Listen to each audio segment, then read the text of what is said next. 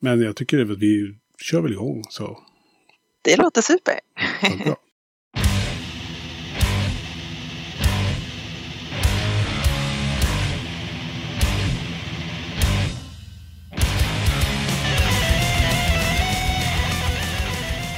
Det här är HeavyUnderground.ses eh, podcast. Som du är varmt välkommen till ännu ett nytt avsnitt med mig, Magnus Strandegren. Där jag eh, försöker prata med eh, olika människor från den eh, svenska underjordiska rockscenen. I den här podcasten, den här gången, så ska vi prata med Lea Alasam. Som ni kanske känner igen från band som Besvärjelsen. Och från det fantastiska eh, musik och konstprojektet nästan kan man kalla det. The Brides of the Black Room. Som har gjort en av årets absolut bästa plattor. Kolla upp den. Eh, och eh, vi ska prata lite med Lea om hur hon började med musik överhuvudtaget. Vad hennes inspirationer är. Om besvärjelsen. Om The Brides of the Black Room. Och mycket annat däremellan. Ett fantastiskt trevligt samtal som jag eh, såg fram emot att få göra. Och eh, som jag tycker blev väldigt, väldigt bra. Stort tack till Lea som ställde upp på det här. Så utan att eh, liksom dröja allt för länge med det här så presenterar vi glatt Lea Alassam här i Heavy Undergrounds podcast.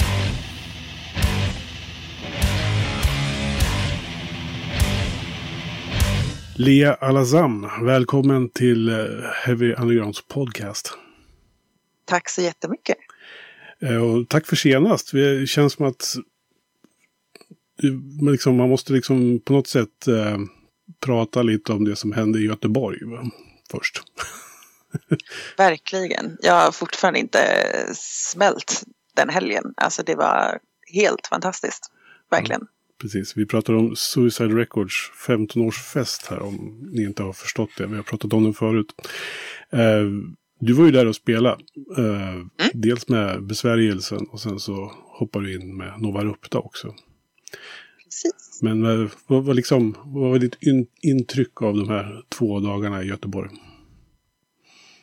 Alltså det var ju helt fantastiskt. Alltså bara mm, så här, line-upen var så jävla bra. Jag har varit så peppad i, i flera veckor på, på att se alla band. Och det känns som att det var, det var så mycket olika det var så mycket olika band men det fanns ändå en skön röd tråd som gjorde att så här, det hela tiden bara var så himla bra. Det var liksom, jag såg ingenting där jag kände att så här, nej nu vill jag gå ut och ta en cigg eller en öl utan man bara så här, ah, det var så fint och bara så här, energin. Eh, jag har ju inte varit i Göteborg knappt sen, sen pandemin bröt ut och bara fått så här, träffa alla polare, träffa band man inte har sett sen innan. Alltså, det så jävla fin stämning. Jag har inte kramat så mycket på ja. sen innan, innan covid. Nej, precis. Jag tänkte, det var, Alltså, så mycket kärlek. Alltså, tänkte det var ett jättebra test på om vaccinet funkar eller inte, tänker jag stillsamt. verkligen, verkligen. Jag blev inte sjuk så eh, tack Moderna. Precis. Jag trodde i alla fall att jag skulle bli förkyld efteråt, men nej, inte det. Man har ju inte träffat folk på jättelänge på det sättet. Så att, Nej, man vet ju knappt hur man gör längre. nej. Det var ju en sån här övergripande känsla, tyckte alla var så här, får man göra så här? Ja, verkligen. Ska vi kramas? Ska vi fistbumpa? Ska vi axla? Det var liksom...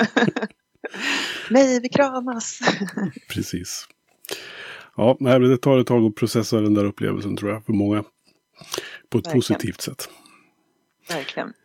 Eh, ja, men vi tänkte, eftersom du förekommer lite överallt eh, just nu eh, på musikscenerna här eh, med lite olika konstellationer och band så där, så tänkte jag vi skulle passa på att prata lite med dig om det och ja, om dig också. Var, liksom, var du kommer ifrån och vad, liksom, din musikaliska eh, kraft kommer ifrån så att säga.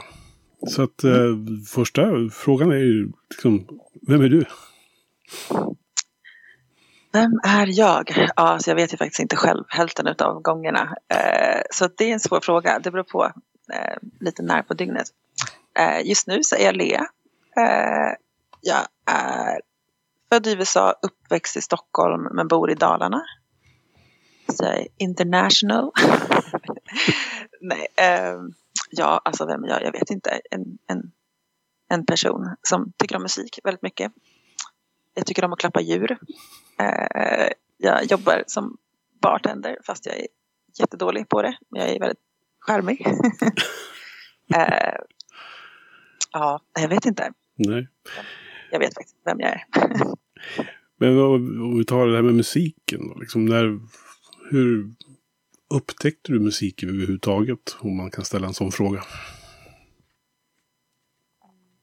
Alltså, det har alltid funnits hemma. Liksom. Min mamma har alltid varit jätteintresserad av reggae och sånt och släpat med mig på, på konserter och så när jag var liten. Och sen eh, började jag på kör. Min mamma satte mig på kör när jag gick i typ ettan kanske. Um, jag hade nog hellre velat hålla på med sport när jag var liten. För att jag har aldrig liksom känt att jag skulle ha någon så begåvning inom musik. Um, jag dansade väldigt mycket i många år men just här, sång har inte varit egentligen ett jättestort det var inte så stort intresse. Men jag började på kör för att jag hade kompisar som gjorde det och mamma anmälde mig där. Um, så ja, körde jag på det några år. Och det var kul. Och sen tröttnade jag på det. Så då sjöng jag inte på jättemånga år. Och sen började jag spela i punkband typ. För att jag ville spela i band. Men jag tänkte att jag inte var bra på att sjunga. Så då tänkte jag att då kan jag bara skrika och kasta mig omkring. För det är jag bra på. Här, skrika könsord typ. Det var min talang. Vad har, du tagit, vad har du tagit med dig av punken liksom, så här, i livet? Eh, friheten att göra vad jag vill. Alltså så här, att man behöver inte stå i led. Liksom. Man, blir, man har mycket roligare om man gör som man vill. Liksom. Såklart med respekt mot andra människor. Liksom. Men ähm, ja, tempot. Är det bara kul? Alltså, man har inte levt om man inte har haft en liten punkperiod åtminstone. Nej. Jag hängde mycket på punkspelningar på 90-talet, början på 90-talet där.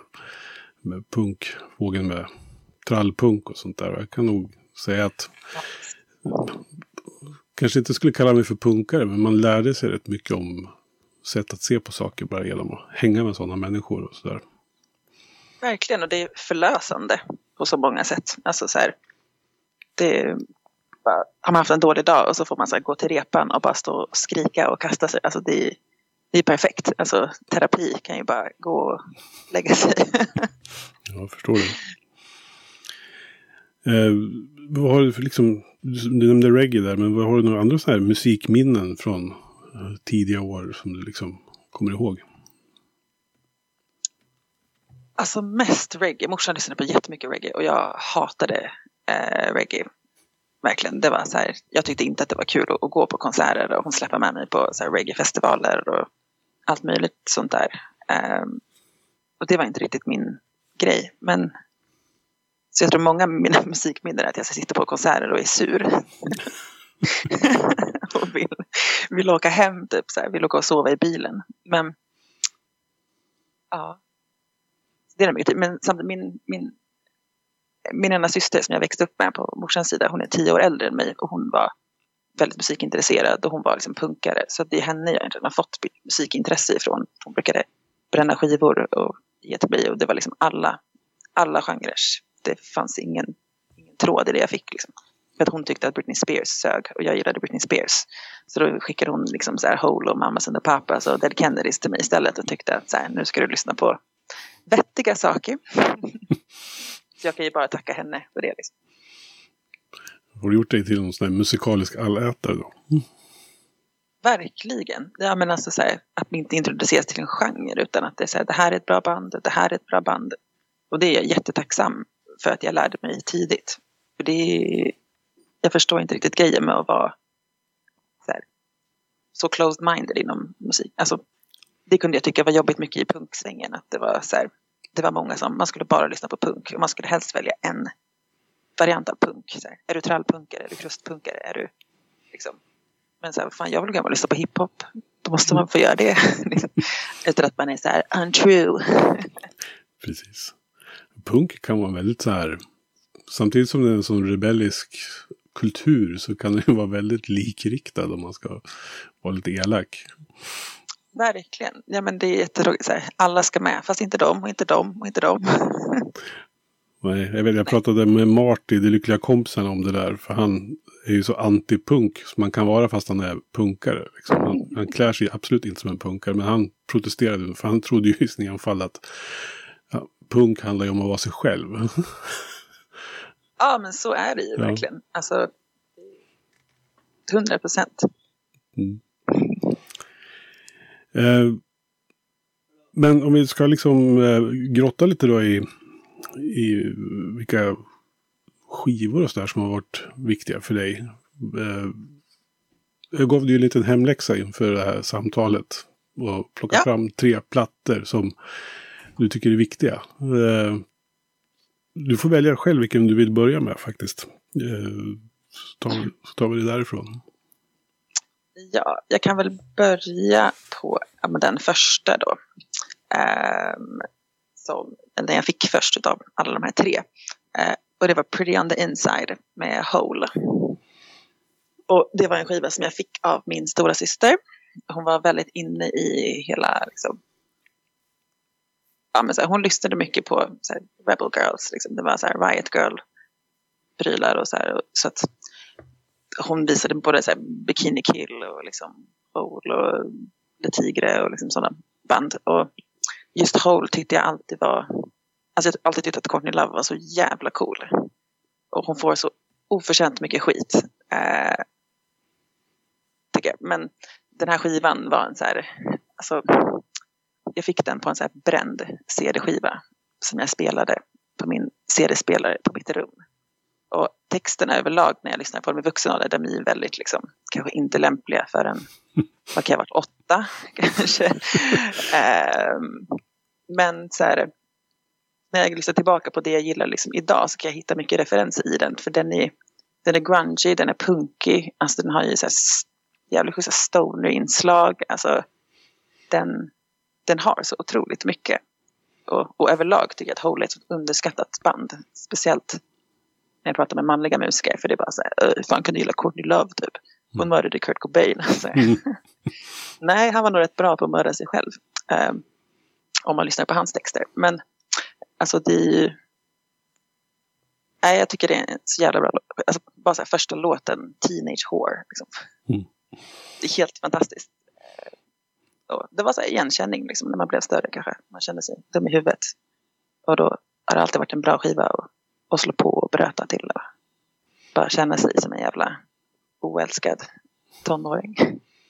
Ja, alltså, jag kan ju tycka, som du säger, Hole, man, de, de hamnar ju tyvärr i skuggan av allt annat som händer runt omkring både Courtney Love och bandet och sådär. Men när man, när man lyssnar på den här skivan, alltså jag hör ju liksom ganska, ganska avantgardistisk noise också i den. Liksom, jag, jag, jag lyssnade ja. om på den nu bara för att vi skulle prata om den också. Jag tänkte att så här, man hör ju Sonic Youth i det här liksom. Och, ja, jag menar Melissa Auftemar som spelar, hon är ju briljant. Alltså hennes sologrejer också är ju mm. långt ifrån whole liksom, men de är fantastiska musiker liksom. Mm. Det är så himla synd att allt det andra alltid ska ta plats liksom. Ja. Populärkulturen och historierna liksom. Uh, för jag tycker att de är så jävla mycket mer än så. Sen får man ju säga vad man vill om Courtney Love som person liksom. Jo, jo. Va? Men ja, alla har vi våra brister och det finns ju en miljard manliga rockstjärnor som har betett sig värre. Så jag tycker att hon, hon kan få vara lite svinig ibland. Vi, vi, vi återupprättar Hole här i, i Heavy Underground tycker jag. Alltså. Bring it back. mm. Ja, ska vi fortsätta? Uh, ja, så skiva nummer två. Uh, vilken björkskiva skickade jag till dig? Vi skickade jag yoga. Uh, Nej. Debut. Ja, debut. Mm. Uh, det var egentligen den andra skivan jag tror jag fick eller för jag köpte eh, Homogenic bara för jag tyckte att omslaget var jättehäftigt. Det var så här, alltså när man var liten och gick i CD-butiker. Vi hade ingen dator hemma och vi hade inte MTV eller ZTV eller något sånt där. Så att det var liksom de CD-skivorna jag hade hemma, det var det jag kunde lyssna på. Så att eh, min mamma älskade att gå på CD-butiker och då var det alltid så här, du får välja en skiva. Typ. Och då gick jag oftast på, ut, på omslaget. Och Homogenics har ju har en geisha outfit och den är så här silvrig. Och, eh, jag har alltid varit lite som en kråka så jag dras till sånt som är glittrigt och blankt. Så, eh, så jag köpte den skivan och den var helt, helt fantastisk för det var, jag hade aldrig hört någonting liknande. Och sen fick jag tag på debut efter det. Och det var så här, jag hade aldrig hört någon sjunga så. Jag hade aldrig hört musik som lät så. Um, och jag tror, alltså jag har alltid velat sjunga som Björk. Liksom. Jag tycker hon har helt fantastisk range och fantastisk känsla i sin röst. Och hon, hon är också så jävla punk liksom, att hon gör vad hon vill. Och det elektroniska, det var ju definitivt den skivan som fick in mig på elektronisk musik och liksom kunna uppskatta feta beats och atmosfärer och hon bygger verkligen upp ljudlandskap. Och mm. eh, också bara så här, öppna skivan med human behavior. Alltså, vad är det ens? Det är liksom helt, äh, fan. Och videosarna också. Mm. Där man, vad är det här för person? Precis, videosarna var väl det man såg först, i alla fall jag. Och tänkte också precis, vad 17? Ja, vad är det som händer liksom? Och det var liksom 90-talet, alltså debut mm. kom ut 93. Ja, 93 tror jag det var, ja. Det är ju liksom ja, helt fantastiskt. Och sen när hon också gör så här MTV Unplugged så bara gör hon så helt nya versioner på låtarna och den är så här jättemärkligt. Men det är så jävla bra. Hon är så jävla cool. Så mm. Det har definitivt varit en, en väldigt stor influens. I alla. Ja, och hon har ju liksom, nu vet jag inte riktigt vad hon gör för sorts musik längre. Nu är hon ju mer in på så konstmusik. Alltså det är väldigt, det är både pretentiöst men på ett väldigt, väldigt bra sätt. Och väldigt mycket tanke bakom det hon håller på med, känns det som. Verkligen, och hon är så visuell. Alltså jag har sett henne tre turnéer och det, det är helt olika saker varje gång. Och det är så, alltså bara att titta på, om man bara tar bort musiken så, så är det, det är så jävla smart. Typ, nu senast spelade hon ju på Dalhalla. Mm. Där hon hade en stor snurrande eh, trädgårdsscen med typ små så faunas som dansade med flöjter. Och hon var klädd som en utomjording som bara stod och stampade. Så här, och det var, vad fan går hon på? Jävla tre liksom. så jävla coolt. Ja. Så har vi den tredje plattan då. Ja, där valde jag en lite senare skiva och det är ehm, Domaredans av Stefan Missios. Och den valde jag för att dels så tycker jag jag har tjatat mycket offentligt om Stefan Missios innan jag blir lite besviken på att han inte har ringt mig än. Men jag kan också förstå samtidigt för vem vill ringa någon som är besatt av en. Men hans röst tilltalar mig på ett sätt som är, går rakt in i hela kroppen. Ehm, men också texterna. Jag musik på svenska sådär som inte har varit liksom punk eller hardcore eller liksom där det har varit skrikigt har jag haft väldigt svårt att ta till mig för att jag ofta fastnat i något så här att det blir cringeigt, att det blir liksom det blir orupp eller det blir så här något som man inte riktigt uppskattar men eh, han skriver på ett sätt som verkligen så här berör och inspirerar på en helt annan nivå än någon annan svensk artist. Alltså det är väldigt så här, ärligt. Det är inte bara det där med kärlekslåtarna utan han skriver mycket missbruk, ensamhet, utanförskap. Liksom. Uh, och speciellt typ när jag skulle skriva Valbo så, så lyssnade jag väldigt mycket på hans låtar bara för att, för att bli inspirerad. Liksom. Jag hade ju ärligt talat inte riktigt koll på honom. Han spelar ju Stora Vilan. De är ju större. och där spelar han ju med klaviatur vilket är så himla konstigt för han är så jävla Fangirling over here. ja. Ja, nej, men jag ska absolut lyssna mer. För att det lilla jag, han lyssnade, det, det lät ju riktigt bra och intressant. Och det blir ju liksom proggigare med skivorna. Men det är, ja, alltså, riktigt mycket bra musiktips. Alla borde lyssna på Stefan. Uppmanar dem till att göra det. Ja. Eh, ska vi prata lite om det du gör då? Eh, nu för tiden, höll jag på att säga. Eh, ska vi börja med besvärjelsen? Ja. Eh, berätta lite storyn om bandet sådär. Storyn, det är... Alltså vi är inne på vårt sjätte år nu om jag inte räknar helt fel. Eh, jag kom in i bandet lite senare. Det var väl Andreas och eh, Olle från början som spelade trummor förut. Staffan tror jag, som startade bandet. Eh, och sen kom jag in och sen har vi liksom kört på. Vi har bytt trummis en gång och basist en gång. Så att nu är vi en stabil femma.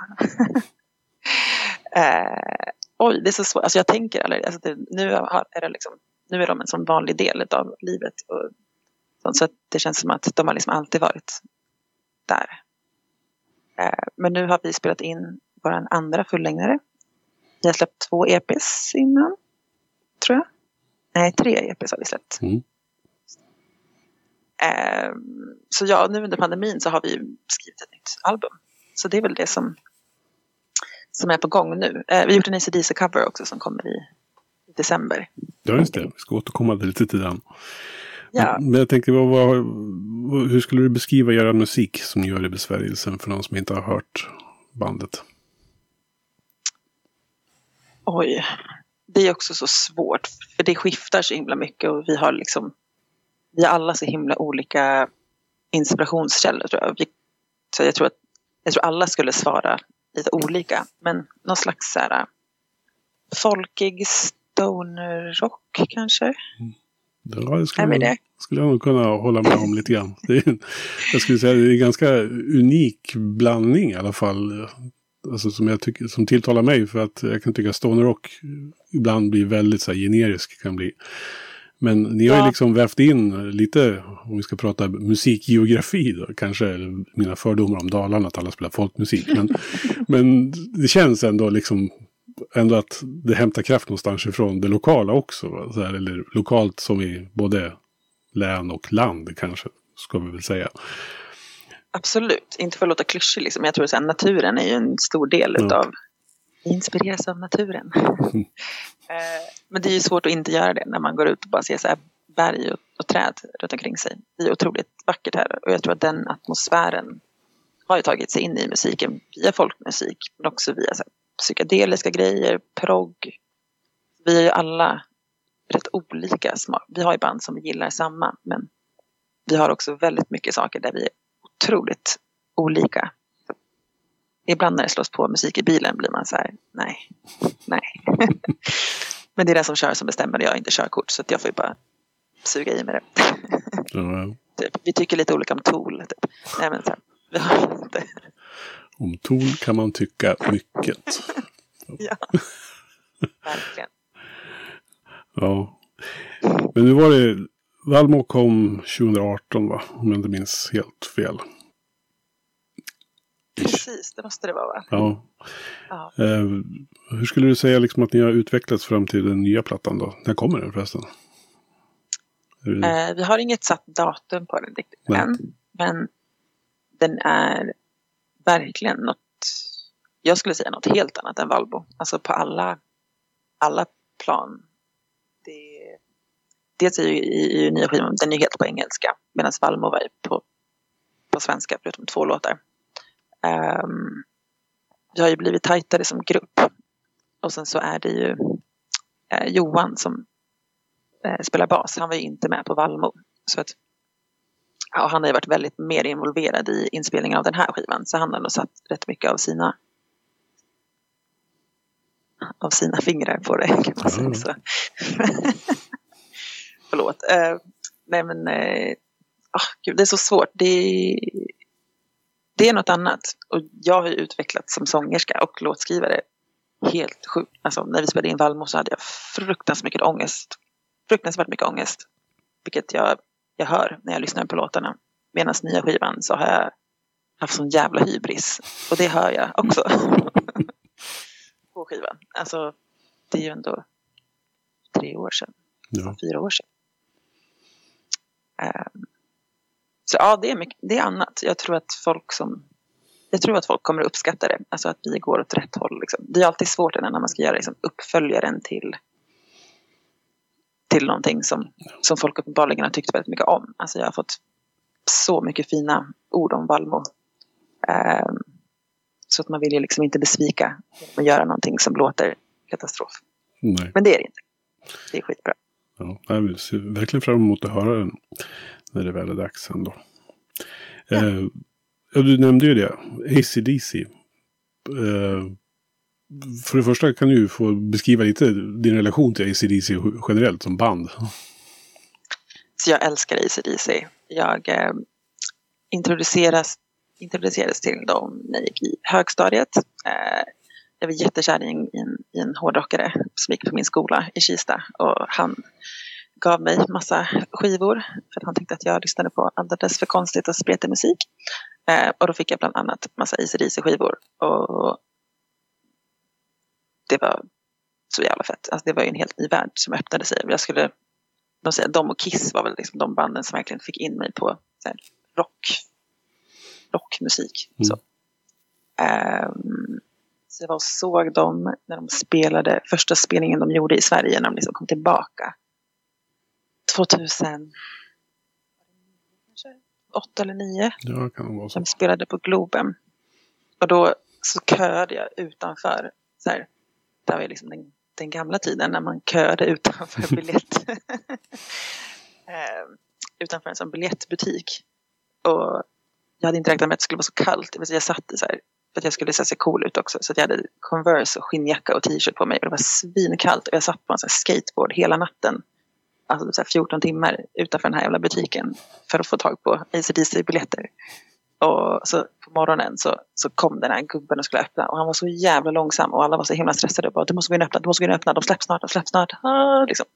Och så kom vi in och så hade de en stor skärm där. Där man kunde se alla liksom, platserna på Globen. Mm. Jag tror det var bara en konsert. Och så stod vi där och jag var typ så femma i kön kanske. Och så bara såg man hur den här gröna parketten, allt bara blev så här rött, rött, rött. Och bara, åh gud, det kommer liksom inte bli någonting. Och så bara så tog de typ slut. Och vi var så här, vi kommer ju dö. Liksom, vi kommer ju få gå och dränka oss i ån nu. Alltså det kommer ju liksom inte gå. Eh, men så bara annonserade de, det blir en spelning till. Så här, för att det var, det var så högt tryck. Och då fick vi stå platser. Så att jag och min polare, jag hade skithög feber. Eh, men i och med att det inte var covid times så fick man gå på konsert feber. Så jag stod längst fram och jag hade, jag bara skrek hela, alltså det var så jävla coolt. Eh, för att det var precis som man har sett, alltså de var, de är inte ett sånt band som har liksom blivit ovärdiga utan de är liksom, de är fortfarande så jävla bra. Eh, mm. Så det var fett. Ja. Så sen dess har de liksom varit ja, magic. Men vad är det för projekt ni har gjort eh, den här ACDC-covern till då? Så vi fick eh, en förfrågan från vårt skivbolag för de gör lite så här redux-versioner eh, av saker. Saker? Av, av rock, av, av klassiska album liksom. Mm. Och de skulle göra en ehm, um, ACDC-variant. Eh, de skulle göra Back in Black. Eh, och då frågade de ifall vi ville vara med och göra en låt. Och jag är jag har lite svårt för hela covergrejen. Alltså speciellt när man ska göra band i, i typ liknande genre och band som man verkligen ser upp till. För jag är rädd för karaokeversionen. Liksom. Jag vill inte jag vill inte skända någonting som ändå liksom betyder någonting för mig. Typ. Men jag tror vi tänkte att i och med att så här, vi hade fått en lista på andra band som skulle vara med och att det var rätt stora akter så var det så här, ja, men vi får väl säkert någon, så här, någon mellanlåt liksom, och då kan vi göra det till vår grej. Så att vi hoppade på och tog chansen. Och sen så fick vi veta att vi skulle göra Back in Black. Uh, så vi hade lite panik där ett tag. Jag tror alla har nog svettats över det här. För det är ju liksom, är Back in Black. Alltså, man kan ju liksom inte göra, alltså den är, den är perfekt. Ja, det, det är en sån, till och med min mamma har hört Back in Black. Alltså alla människor vet vilken låt det är när de hör det där första riffet. Mm. Uh, oh, gud. Men jag tycker att vi gjorde ett bra jobb. Vi har gjort det till en besvärjelsen-bit. Liksom. Ja. ja, det ska bli kul att höra. Ja, jag hoppas, att, jag hoppas det. Jag hoppas att det ska bli en bra upplevelse för alla involverade. Ja. Vi inte får så här hatbrev från ACDC själva sen. Typ. ja. Eh, sen så är ju du med i The Brides of the Black Room också. Eh, Precis. Det känns ju som ett väldigt, väldigt, väldigt ambitiöst projekt på många sätt, känns det som. När man ser både liksom de grafiska bilderna och musiken och hela hur ni har byggt upp liksom inför släppet när plattan kom här och sådär. Eh, hela marknadsförings... Eller ja, hur ni har delat med er av bitar liksom. Av någonting som man kunde ha uppfattat som någon historia kanske. Eh, men lite så bakgrunden, vad, vad, vad handlar The Brides of the Black Room om? Alltså det är lite öppet för fri tolkning. Eh, tanken är att projektet ska vara lite så här eh, personligt för lyssnaren. Alltså, det är ju en historia som finns som är både i, i form av att albumet är en, en historia. Eh, videosarna som har kommit i den ordningen är en, är en historia. Och sen så är det även en bok som berättar lite om The Brides of the Black Room. Och jag kan inte riktigt gå in på för mycket för mm. vi har bara kommit igenom första säsongen och det ska liksom hända så himla mycket grejer. Och det är um, My hands are tied på ett sätt. Ja. Men det är um, tack att det ska vara ett upplyftande projekt. Ett projekt som folk blir peppade av. De blir känner saker. Det ska finnas någonting för alla. Liksom. Vi, alltså, vi är jättemånga i projektet. Vi är tre som syns. Men vi är ju verkligen bara toppen av isberget. Um, väldigt, väldigt mycket mer folk involverade. Och det kommer att visas med tiden ja. kanske. Um, så nu har vi gjort första skivan som har släppts och första säsongen av videos är vi nästan igenom. Vi har två, tre videos till som ska göras och släppas. Och uh, då kommer många frågetecken som folk kanske har börja listas ut. Det är liksom, vi, har använt, alltså, vi startade ju det här bandet precis innan pandemin. Alltså, jag tror att vi så här spikade allting i typ ja, men två månader kanske innan allting startade. Mm. Och, och då fick vi ändra rätt mycket av approachen till det och då blev det det här att vi skulle fokusera på att ha tv-seriekonceptet och göra videos som folk kunde följa så innan vi började släppa massa musik och, och så. Och det har varit skitkul. Alltså ett helt nytt sätt att jobba på. Eh, jag har aldrig träffat så kreativa människor, människor som gör mig så inspirerad som de här i det här projektet. Um, no offense till någon annan, men så här, om du har sett videosarna, alltså, mm. vi har inte haft jättestora medel att röra oss med. Um, Fast de känns ju sjukt påkostade. ja, men ibland kan jag bli så här, va? Blev det, alltså, va? Typ. Ja. Och vi hade typ 500, alltså, um, jag är så här, bow down av ödmjukhet för att jag får vara med i den här konstellationen av, av folk. Jag tycker de är grymma. Mm. Men så när ni började här när pandemin, innan, strax innan pandemin började, för det känns ju som att sånt här känns väldigt ambitiöst som sagt. Och liksom hela den här kreativa processen. Alltså det måste ju ha tagit mycket tid som helst. Alltså det har typ inte det. För i och med att pandemin kom så var det som att allting annat dog av lite grann. Och med besvärjelsen så har vi mest jobbat digitalt. Alltså vi träffade ju inte varandra på flera månader. För vår replokal är, är typ två meter bred. så, så det, det, gick, det har inte gått liksom, att träffas. Så att jag har haft mycket tid att, att lägga på det. Um, och i och med att jag pluggade, men det var hemifrån, så har jag också haft extremt mycket. Jag har legat så mycket på soffan och, och kunnat jobba därifrån. Så det har gått väldigt fort och jag, ja, jag kan knappt förstå det själv faktiskt. Det senaste ett och ett halvt året har varit väldigt, väldigt konstigt. Ja, det skriver vi alla under på. Verkligen. Tidsuppfattning bara. Vem, vad, hur? jag får dubbelkolla varje dag vad det är för dag. Jag har tre kalendrar liksom. Jag är fortfarande förvirrad. mm. Men eh, ja, vi ska inte spoila för mycket då. Men det finns alltså en fortsättning på The Brides of the Black Room som vi kan se fram emot. Precis, för vi har ju släppt ett album.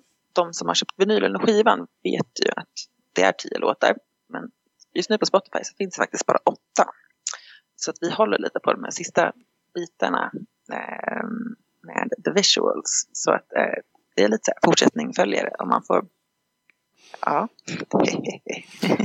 Ja, men jag, jag gillar ju sånt där. Alltså, när, det, när det blir liksom mer än bara musiken. Liksom. Och det kan man ju verkligen säga att det här är. För att Ja, nej, men alltså heder åt er för att ni har liksom påbörjat det här projektet måste jag ändå säga. Tack så mycket och tack för all pepp och uppmuntran som du har stått för. Det betyder jättemycket och verkligen att få också stöd från, alltså jag kan erkänna att jag var lite orolig hur det skulle tas emot i och med att det är så långt ifrån det jag liksom mm. håller på med i vanliga fall. Um, och det är alltid väldigt känsligt och så här, stå på höfterna och sjunga, dansa. Alltså, det, kändes som att det hade kunnat slå tillbaka hur som helst och jag var väldigt orolig för det. Så därför betyder det också så himla mycket att få stöd från, liksom, få stöd från er. Tack. Ja, det Tack, jag måste ju liksom säga din sånginsats på den här skivan är ju liksom, ja, det är, det är svinbra. Jag kan inte säga så mycket annat. Det... Tack. Mm. Eh, Ja, du har ju liksom dykt upp på lite andra ställen. Jag tänkte närmast kanske på Nova Rupta. Eh, Every Shade of Water som du sjöng på senaste eh, Nova Rupta-plattan. Den andra delen av eh, Alex Stjernfeldts mastodontprojekt. Eh, bara liksom kort, hur, hur hamnar du där då? Liksom, jag, jag, tror ju att Alex är någon form av multigeni när det gäller hård musik. Eller sådär. Ja, han kommer ju inte från den här planeten. Han är Nej. ju verkligen exceptionell. Exceptionell varelse. Eh, och musik, alltså ja. Fantastisk person. Mm. Men hur, hur kom ni i kontakt med varandra? Eh, det var lite lustigt faktiskt. För jag, eh, jag hade lyssnat jättemycket på, på första Nova-skivan och tyckte att den var skitfet och gillade just det här konceptet med att det var olika sångare på varje låt. Eh, gör, det gör så himla mycket. Och så här, verkligen första gången man lyssnade också, det, det var bara en treat. Liksom, se vad folk ska göra med låtarna. Så jag, tror vi hade, jag var med Bayer, eh, Andreas i, i Sverige sen och jag hade sagt till honom, för jag tror jag hade hört någonstans att det skulle komma fler skivor liksom, och jag visste att han kände Alex. Så jag sa till honom att så här, säg till Alex att jag vill vara med. Typ. så här, hinta lite snyggt typ. Eh, så han skickade ett sms till honom typ, och bara hej, typ, jag vill spela med dig. Eh, och då visade det sig att, att Alex hade redan han hade gått hemma och velat på om han skulle fråga mig. Eh, så då när han fick meddelandet från Bayer då var det så här, ja vad bra. Så, här, så att jag kan väl säga att det var Andreas som var vår medlare. Mm. När vi båda kände oss osäkra på om vi var bra nog för varandra. eh, för att jag, alltså, det är ju snubbiga sam, alltså, det är ju mest män i den här branschen liksom, och det, som tjej så känner man sig kanske inte alltid så här, lite malplacerad i, i sammanhang. Och jag känner mig jätteglad och stolt över att jag fick vara en del av det här projektet. Mm. Och liksom sätta min grej på det. För att jag är inte liksom Ashård, jag är så här.